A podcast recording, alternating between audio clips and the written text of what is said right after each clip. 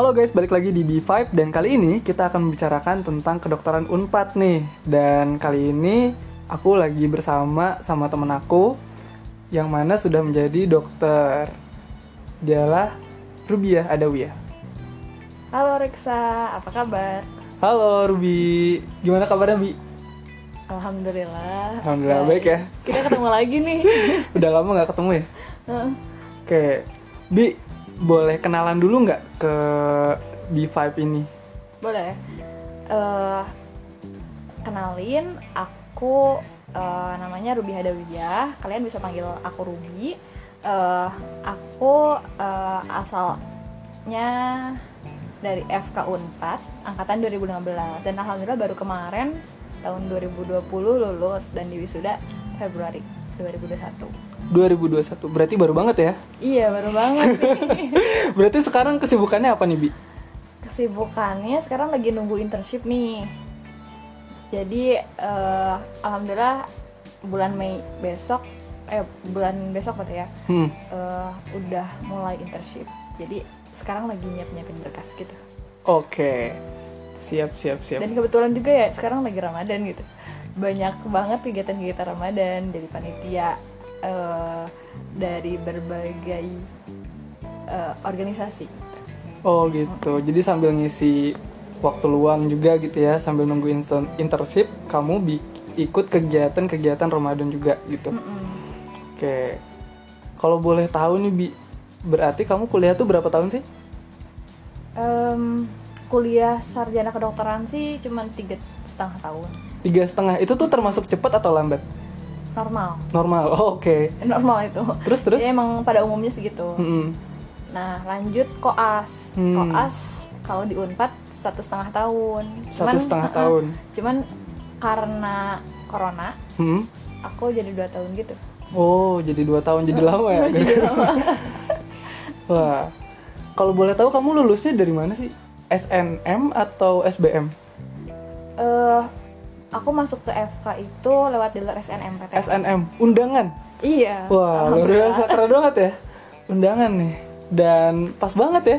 Jadi aku tuh ngebuat podcast ini rencananya tuh karena pengen ngasih tahu ke adik-adik SMA yang mungkin saat ini belum mengikuti undangan gitu ya senam PTN biar mereka tuh tahu gitu gimana sih caranya biar bisa lulus ke kedokteran Unpad lewat jalur undangan senam PTN kayak gitu.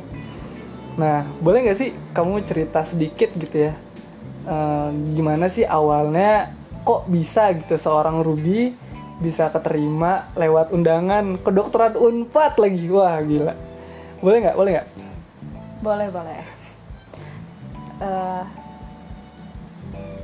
yang pertama, hmm, yang perlu diperhatiin mungkin dari raport ya. rapot rapot kamu bagus Alhamdulillah. Alhamdulillah. ya bagus lah segitu mah gitu ya. Ya ka- kalau dibandingin sama yang lain karena eh, nilai raport itu eh, saingan gitu kan sama yang lain. Hmm, Terus eh, nilai raport ini juga eh, harusnya meningkat gitu dari semester 1 sampai semester 5. kamu meningkat tuh Alhamdulillah sel- selalu meningkat. hmm. Dan eh, kalau misalkan turun itu jangan sampai turun banget. Boleh sih turun, cuman di semester selanjutnya tuh harus naik lagi, melebihi dari semester-semester sebelumnya. Kayak gitu konsepnya. Gitu. Itu kan dari nilai raport. Selain itu juga eh, dari indeks sekolah. kamu sekolahnya di mana Eh, aku kan asal Garut, di SMA 1 Garut. SMA 1 Garut oke terus terus Dan kebetulan SMA 1 Garut itu SMA terfavorit gitu di Garut. Alhamdulillahnya aku bisa masuk.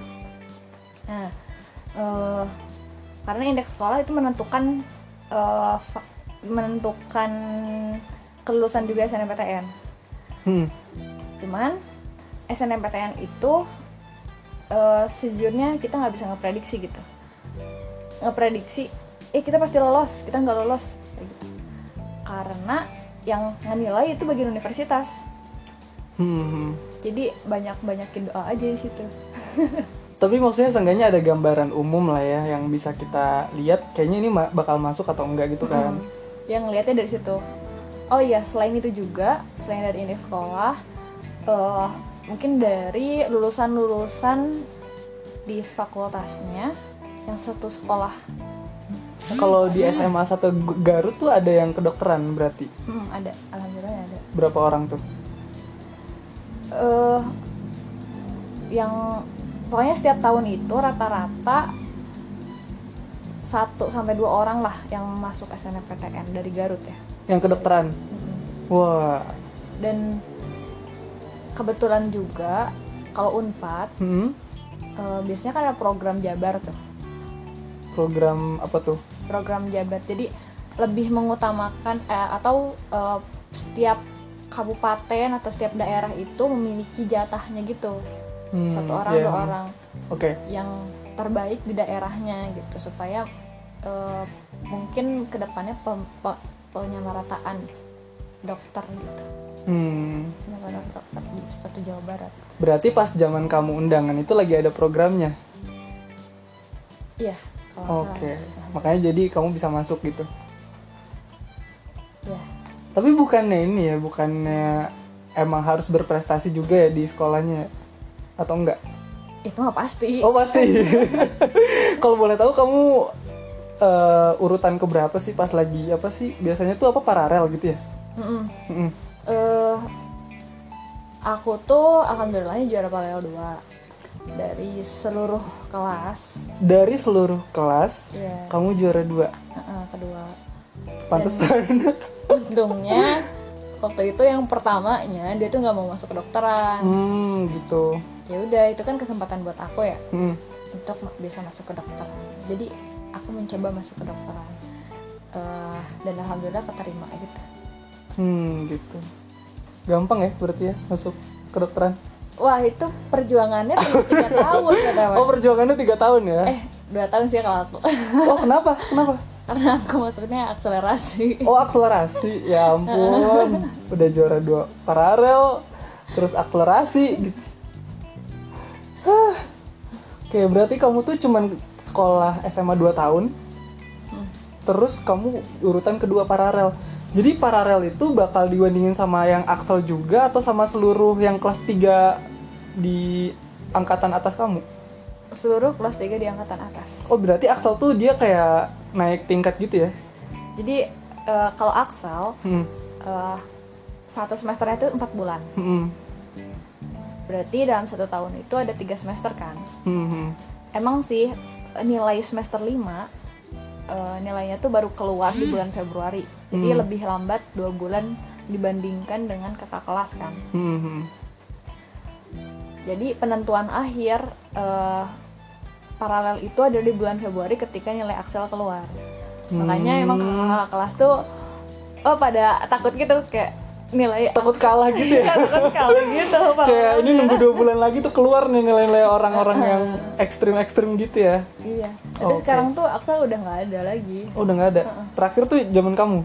Eh, satu tahun di bawah aku. Wah kenapa tuh? Nggak tahu. Nggak tahu ya? Oke deh. Luar biasa ya berarti Ruby ini udah Axel terus pinter lagi. Ya ampun. Terus kamu tuh berarti belajar terus ya kerjaannya selama di SMA tuh? Atau gimana? Hmm, mengutamakan belajar. Mengutamakan belajar. Berarti ada yang tidak diutamakan tuh? Ada kegiatan lain? Ada kegiatan lain. Apa tuh? Aku masih ikut organisasi juga. Ikut organisasi juga? Uh-uh, tapi nggak seaktif osis yang ngegedain kegiatan ini itu. Aku ikutnya MPK di bagian internal gitu. MPK bagian internal oke. Jadi hanya mengurus hal-hal kecil di MPK aja.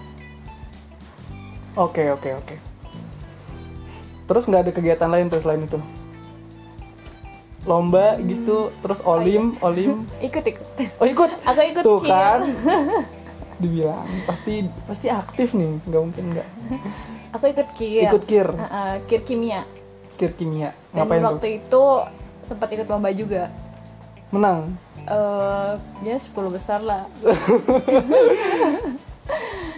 besar sih. Berarti kalau kalau senam PTN tuh ada ada mata pelajaran yang ini nggak sih yang diunggulin gitu? Kayak kamu tuh Ada, ada. sukanya kimia biologi atau apa sih gitu? Nah, eh di SNMPTN tuh, jadi kalau misalkan IPA dan kita ngambilnya ke IPA lagi ya kedokteran kan masuk ke IPA ya.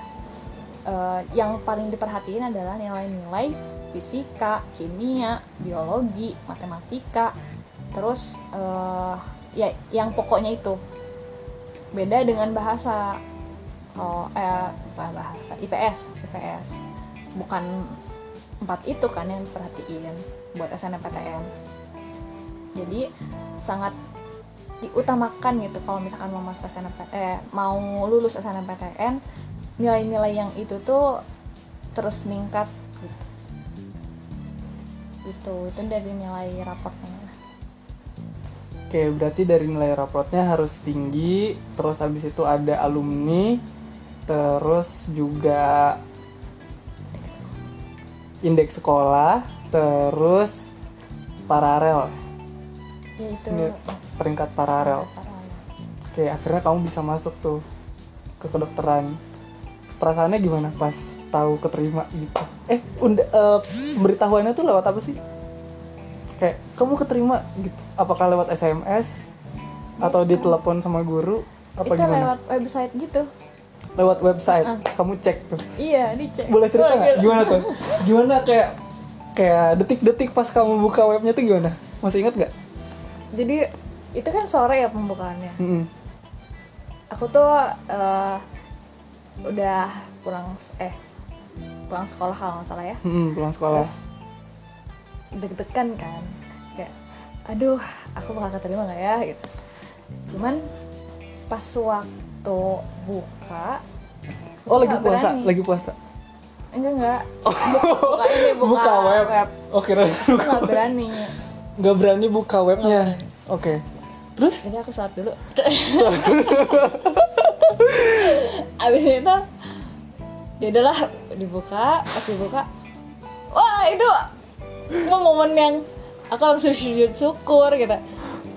Aku keterima alhamdulillah. Terus eh, nelfon orang tua orang tua pun kayak bahagia gitu karena aku salah satu eh bukan salah satu sih satu-satunya. Satu-satunya? Heeh, satu-satunya anak yang masuk ke dokteran gitu dibandingkan sama kakak-kakak aku gitu. Mm-mm. jadi itu momen yang sangat-sangat wow gitu bagi aku dan sangat-sangat eh apa ya yang membuat aku bersyukur banget gitu Sampai nangis-nangis gitu gak sih? ya berlindangan air mata Oh berlinang. Iya iya. iya. itu air mata kebahagiaan Oke. Dan akhirnya terus kamu langsung ngurus-ngurus berkas gitu ya. Terus abis itu mulai persiapan buat kuliah, daftar ulang juga gitu kan? iya nah, Hmm. Berapa lama sih dari keterima sampai akhirnya jadi mahasiswa tuh? ya sekitar 3 sampai Tiga, 4 bulan tiga empat bulan ya, oke. Oke, kamu isi sama apa tuh? Tilawah kah? atau baca buku atau ya udah re- refreshing aja gitu kan udah jadi kedokteran, Weh, gitu. Atau gimana? Kalau seorang Ruby lupa, lupa ya? Aku lupa sebenarnya karena udah lama banget Udah lama itu, banget ya? Oh, lima iya. tahun kayaknya ini deh eh, bantu-bantu temen gitu yang SBM SBMPTN Oh bantu-bantu, ih rajin banget ya kamu kayak jadi emang terlalu ini sih baik kamu tuh ya. aku nggak nggak mengharapkan sekali dari SNMPTN jadi selama eh selama menunggu hasil SNMPTN Hmm. ya aku tetap belajar SBMPTN Oh gitu. Jadi kayak nggak nggak berpikir Iya. berharap untuk keterima iya gitu. karena kan Oh, iya. selalu berpikir worst case-nya kan betul betul betul Gitu. betul. Nah ini penting banget ya buat teman-teman B5. Jadi kalau misalnya kalian itu pengen keterima senam PTN ya udah targetin aja senam PTN tapi jangan terlalu berharap untuk bisa dapet dan tetap pikirin worst case-nya gitu.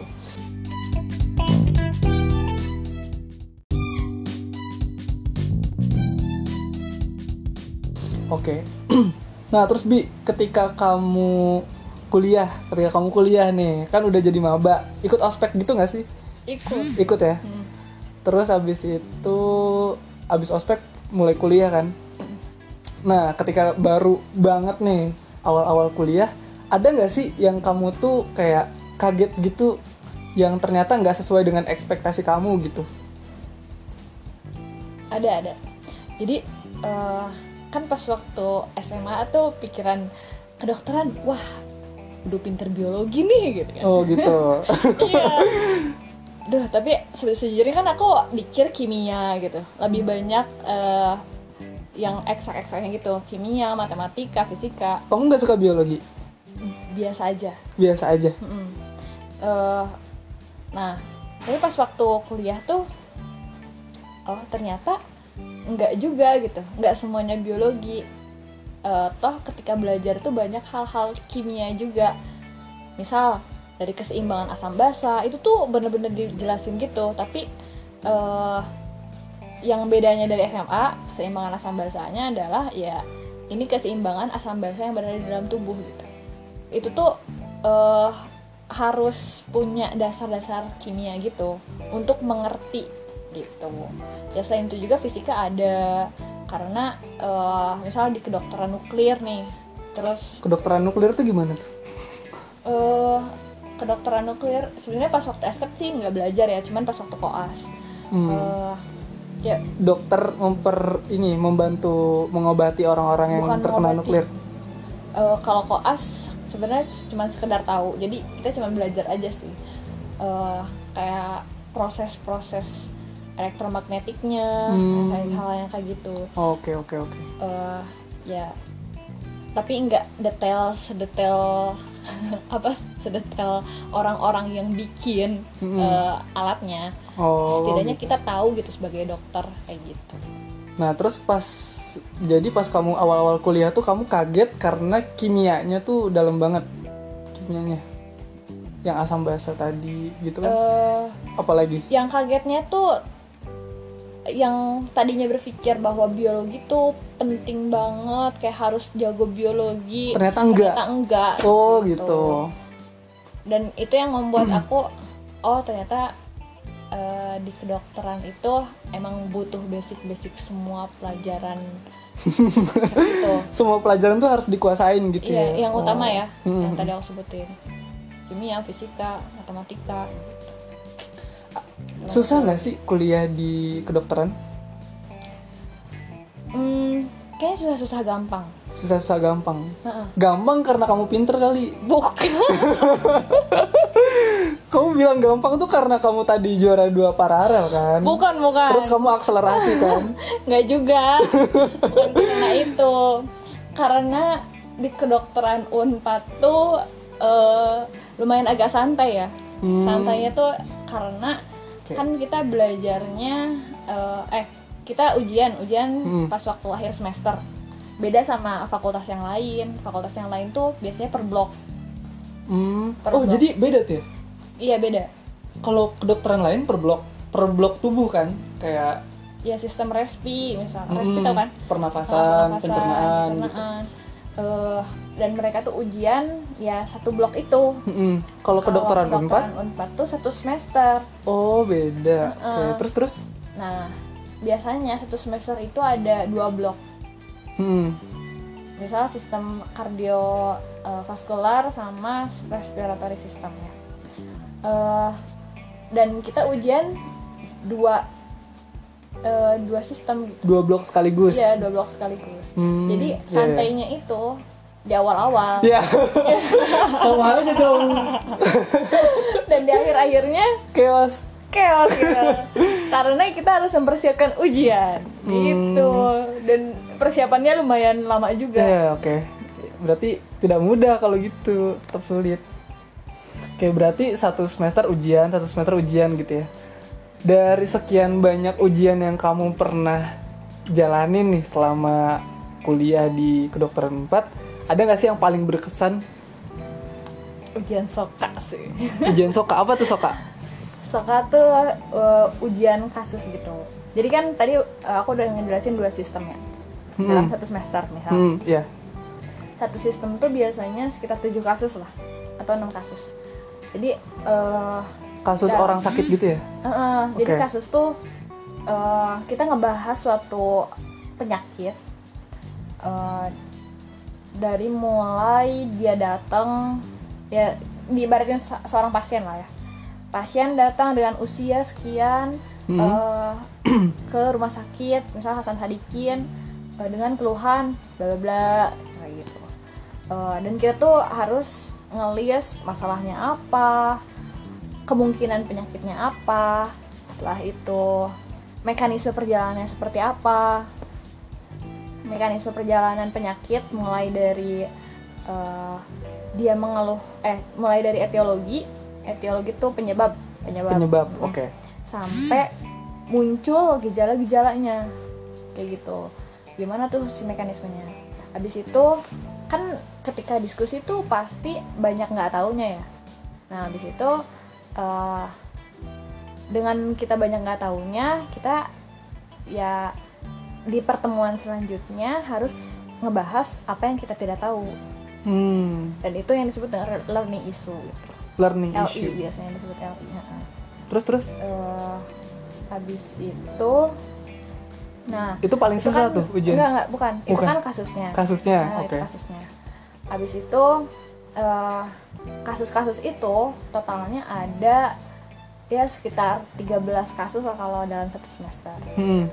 Ketika ujian eh kita kan di karantina nih. Di karantina di satu ruangan. Kita tuh berapa orang? Satu angkatan. Satu angkatan berapa orang? Kan aku nggak tahu. Oh iya. Eh, sekitar 250 250 orang di dalam satu ruangan yang sama. Hmm. oke oke. Kebayang. Terus terus? Terus kita dipanggil panggil nih. Ya yang pertama Rubiah Adawiyah wah itu tuh setiap eh, kloter satu pasti ditepuk tangan kenapa? Kenapa? Karena itu paling menegangkan. Oh yang panggilan pertama tuh iya menegangkan menegangkan banget. banget kayak kita tuh belum belum tahu apa-apa Iya. gitu. Terus dipanggil gitu kayak ditanya Iya. di akhirat gitu ya. Bener. Terus terus terus. Terus habis itu eh, kita dipanggil ya sekitar belasan orang lah ya. Belasan orang Hmm. eh, dalam satu eh belasan orang tuh untuk satu lantai Hmm. biasanya ada empat kloter Hmm. Nah, satu kloternya belasan orang masuk ke satu ruangan lagi, nunggu lagi sampai eh, dia masuk satu ruangan yang di situ ada dokter megang kartu. Megang kartu kartu yang remi Ada, eh, iya, kalau kartu remi yang ada nomor-nomornya. oh Ada kartu nomor-nomor. ya ada nomor-nomornya Tapi dengan terbalik ya. Terbalik, oke. si nomornya. Terus kita ambil. hmm. Diambil, kita dapat nomor berapa nih? Kita nomor 7 ya. Hmm. Habis itu kita diem di eh, tempat yang ada nomornya itu berarti nomor 7 dan kita diem dulu di situ, jangan buka soal dulu. Hmm. Eh pas bel berbunyi, tet gitu. Baru kita bisa buka si soal itu. Hmm. dan itu jumlahnya belasan orang langsung buka ber- bersama-sama Oh, gitu ya mm-mm. bareng-bareng Bareng-bareng. Di situlah mulai deg-degannya. di situ ada studi kasusnya gitu Karena ya. itu studi kasusnya berbahasa Inggris lagi. bahasa Inggris wah iya. oke terus terus terus terus Terus habis itu eh di situ kan udah disediain spidol sama flipchart. Oke hmm. Flipchart tuh koran kosong gitu. Hmm. Eh, dan kita nulis mulai dari eh apa over eh, overview atau brainstorming lah. Hmm. Brainstorming eh, penyakitnya apa, terus hipotesisnya apa, diagnosisnya apa, eh, prognosisnya apa, mekanisme-mekanisme perjalanan penyakit dan juga basic-basic science yang Hmm. nanti bakal dijelasin ke dokter dokter yang ada di ruangan. dokter apa nih dia Nah. ngapain dokternya nguji Iya, ya, dokter pengujinya. dokter penguji Nah, kan itu di- kita dikasih waktu 30 menit ya buat Hmm. ujian. Eh, buat ujian, buat nulis. hmm. Nah, eh, setelah 30 menit selesai, tet, bel berbunyi lagi, kita harus udah siap nih pindah ruangan lagi. oh gitu Hmm, Pindah ruangan, masuk ke ruangan selanjutnya Hmm. yang di situ ada dokternya Hmm. buat nguji kita. Eh, setiap ruangan itu ada dua dokter. Sama ya kita sendirian gitu. Eh, sendirian buat ngejelasin kasus yang kita dapat. Oke jadi ruangannya banyak terus satu ruangan isinya dua dokter Iya. dan masing-masing orang bakal masuk ke dalam satu ruangan itu. Iya. Oke. Udah tadi pakai bel-belan gitu ya kayak kayak lomba-lomba gitu gak sih berarti? Iya kayak cepet-cepetan gitu 30 menit 30 menit. 30 menit gitu. Terus habis itu langsung masuk ke ruangan yang isinya dokter dua orang. Itu udah Oke. melebihi sidang skripsi kan? Dan itu terjadi gitu setiap semesternya. Oh gitu? Iya. Oh gitu? Ya setiap ampun. semester. Terus terus?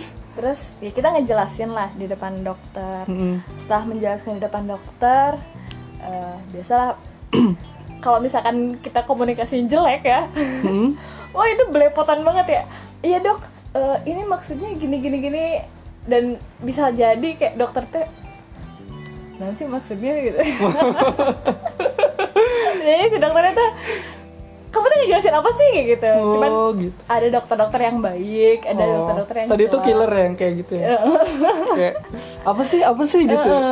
Sosok kayak nggak tahu gitu ya Eh, nah abis beres ngejelasin eh, ya sekitar 20 menit hmm? bel berbunyi lagi tuh. Hmm. udah berbunyi lagi. Oke. Kita disuruh keluar nunggu hasil. Nunggu hasil. Wah itu deg-degannya minta ampun di situ kayak gue lulus nggak ya? Gue lulus ya? Kalau nggak lulus gimana emang kalau nggak lulus? Kalau nggak lulus ya remedial.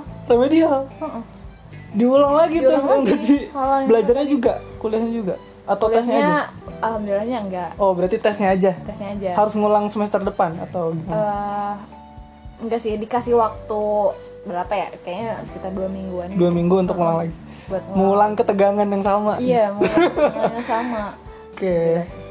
Tapi kalau misalkan dalam remedialnya dia nggak lulus lagi itu bisa eh, Ngulang. ngulang satu semester eh satu tahun berarti. Satu tahun? Nah, kenapa tuh satu tahun? Karena kan eh dalam satu tahun apa ya? Itu kan perangkatan. Oh jadi mata kuliahnya tuh munculnya per tahun. Heeh, jadi per semester tahun. depan tuh nggak ada mata kuliah yang iya itu nggak ada gitu. mata kuliah yang itu. Jadi harus ngikut ke adik tingkat yang pas sistem itu. Wah bahaya juga. Ya setahun gitu. Lumayan kan? Kamu pernah nggak remedial? Nah pernah nggak seorang Ruby nih yang udah berpengalaman berprestasi? Remedial pernah nggak pernah. Serius? sekali kalinya gimana tuh kok bisa sih? Bisa remedial itu emang aku lagi kegiatan eh, pendidikan dasar gitu. Hmm. aku kan ikut pencinta alam ya. Hmm, Eh, dan pendidikan dasar pencinta alam tuh benar-benar capek gitu. Pencinta alam tuh ngapain kegiatannya? Hmm, pendidikan dasarnya ya. Pendidikan dasarnya. Eh abis kuliah jam 4 kita di tempat fisik. Dengan harus lari-lari satu unpad dua keliling abis itu satu unpad bentar. Satu unpad. Iya se, di unpad Jatinangor kan? Unpad Jatinangor ke atas. Yang seluas bawah. itu? Iya. Kita lari. Dua kali. dua, dua keliling ya. Dis- eh, terus abis itu wow. sprint eh push up sit up back up pull up. Gitu gitulah oke. Abis eh abis itu abis ma- abis itu ya maghrib Hmm. sholat maghrib kita jalan beban gitu. Hmm, jalan beban. Jadi pakai carrier. Hmm. sekian beratnya sekian. Dan kita harus jalan ngelilingin lagi unpad. Yang nanjak nanjak dan di saat itu kamu ujian. Nah, eh kegiatan pendas itu terjadinya adalah enam bulan, satu semester. Proses yang olahraga tadi itu Iya. enam bulan Heeh, enam bulan. Which Oke. is kan eh, apa ya belajar tuh nggak fokus gitu. oh jadi selama semester itu tuh belajarnya terganggu tuh Iya, terganggu. oke Cuman eh ya tetap aja kan bisa belajar mah. Mm-mm. Nah, pas di titik eh, ujian kayaknya Mhm.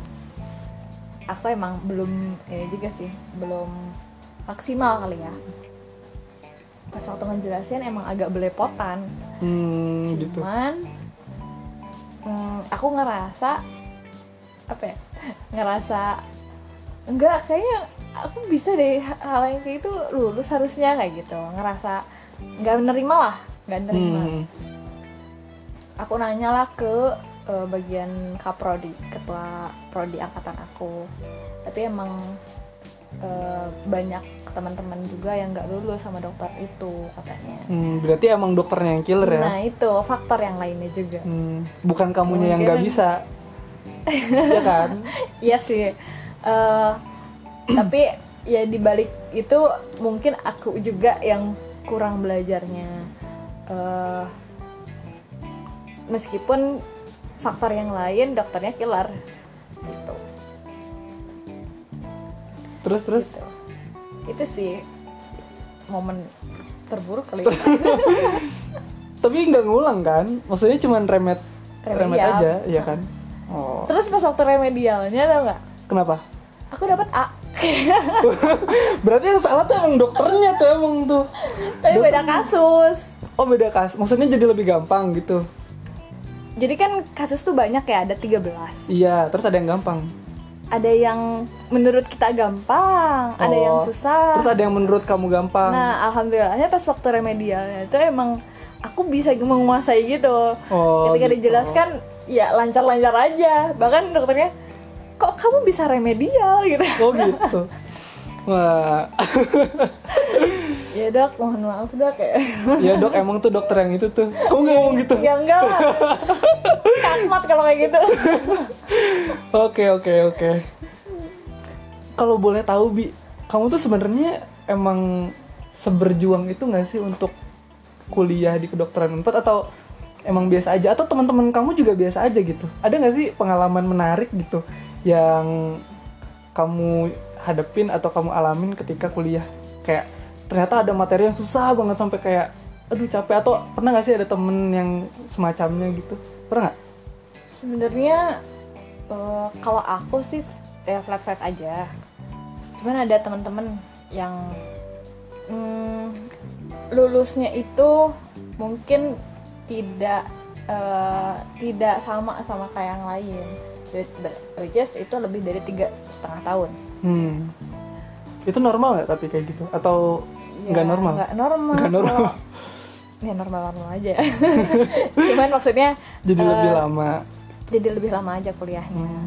Dibandingkan sama yang lain ya dia tertinggal gitu. Karena karena waktu itu karena skripsi sih salah satunya skripsi skripsi kan kita eh, dikasih waktu berapa bulan ya mungkin sekitar hmm, 8 bulan. Hmm, setelah dikasih judul. Nah kebetulan eh, dosennya dokternya dokter pembimbingnya tuh agak banyak permintaan. Jadi dia dia merasa eh, sulit kali ya menjalankan skripsi itu. Sehingga akhirnya dia nggak melanjutkan skripsinya dan tenggelam. Tenggelam tuh maksudnya tenggelam di danau Unpad. bukan. Maksudnya Tenggelam tenggelam gimana?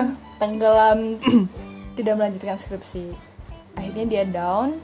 Bahkan waktu itu sampai nggak ada kabar. Sampai kemarin itu nggak ada kabar. Setelah lulus aku di dokter. Hmm.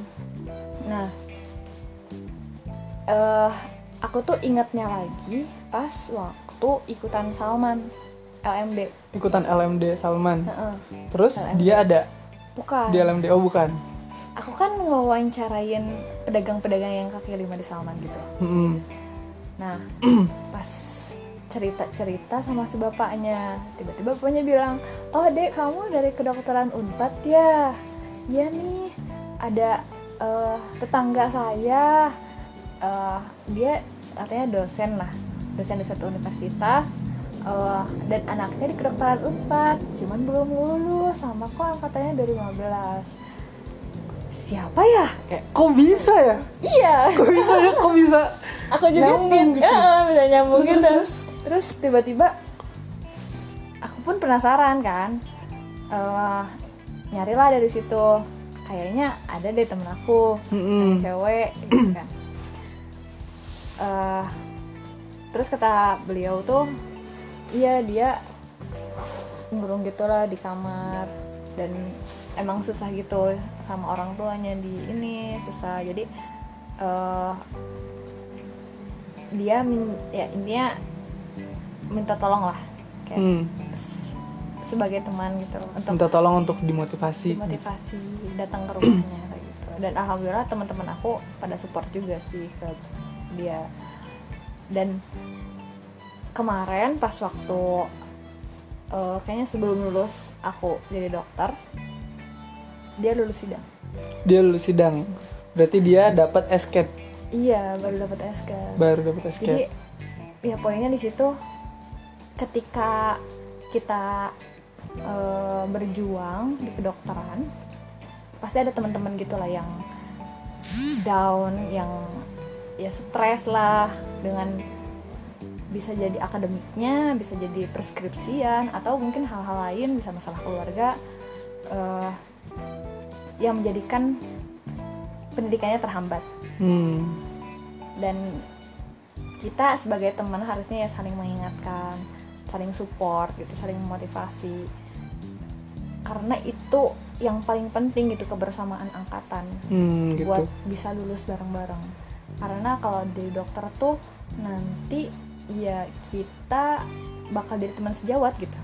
Dan itu menjadi salah satu sumpah sumpah dokter, gitu. untuk, Untuk membantu teman-teman. menghormati teman sejawat. Oh menghormati teman sejawat. Jadi bukan saling menjatuhkan ya kayak iyalah nanti kalau misalnya dia buka praktek hmm, pasien saya ke dia. Nggak boleh. oh nggak boleh gitu. Nggak boleh. Oh nggak boleh ada di kode etik. Oh ada di kode etik. Dan itu nggak boleh. Nggak boleh. Oke. Berarti saya emang tidak layak menjadi dokter. Kayak udah berpikir ke situ gitu. Oke, oke. Kayak berarti emang susah juga ya kuliah di kedokteran buat ya. kayak ternya- dan ternyata emang nggak nggak semua mahasiswa kedokteran tuh emang pintar terus hidupnya mulus orangnya tenang ramah baik hati tidak sombong suka menabung kayaknya enggak juga nggak, nggak seperti itu ya maksudnya mereka juga masih sama-sama manusia gitu yang perlu disupport dan perlu lingkungan yang baik untuk belajar oke that's point gitu ya Bia. Oke berarti tadi kita udah ngejelasin cerita tentang gimana caranya bisa lulus SNM gitu ya. Terus kamu juga cerita tentang kuliah di Unpad kayak gimana. Terus tadi juga cerita tentang temen kamu yang akhirnya berjuang keras untuk bisa dapat SCAT gitu ya. Tuh banyak banget ya yang bisa kita ambil. Dan mungkin buat kamu yang jadi pendengar biologi talk gitu ya. Dan pengen masuk ke dokteran Unpad kamu bisa nih ngambil poin-poin penting dari podcast ini. Oke paling gitu aja bi. Boleh nggak eh, kamu kasih pesan-pesan buat adik-adik nih yang lagi ngedengerin podcast ini?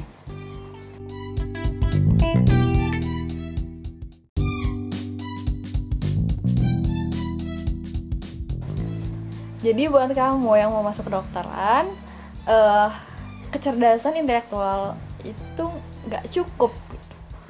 Jadi kamu harus punya kecerdasan emosional, Eh, yang di mana ya kita nanti bakal jadi seorang dokter kan.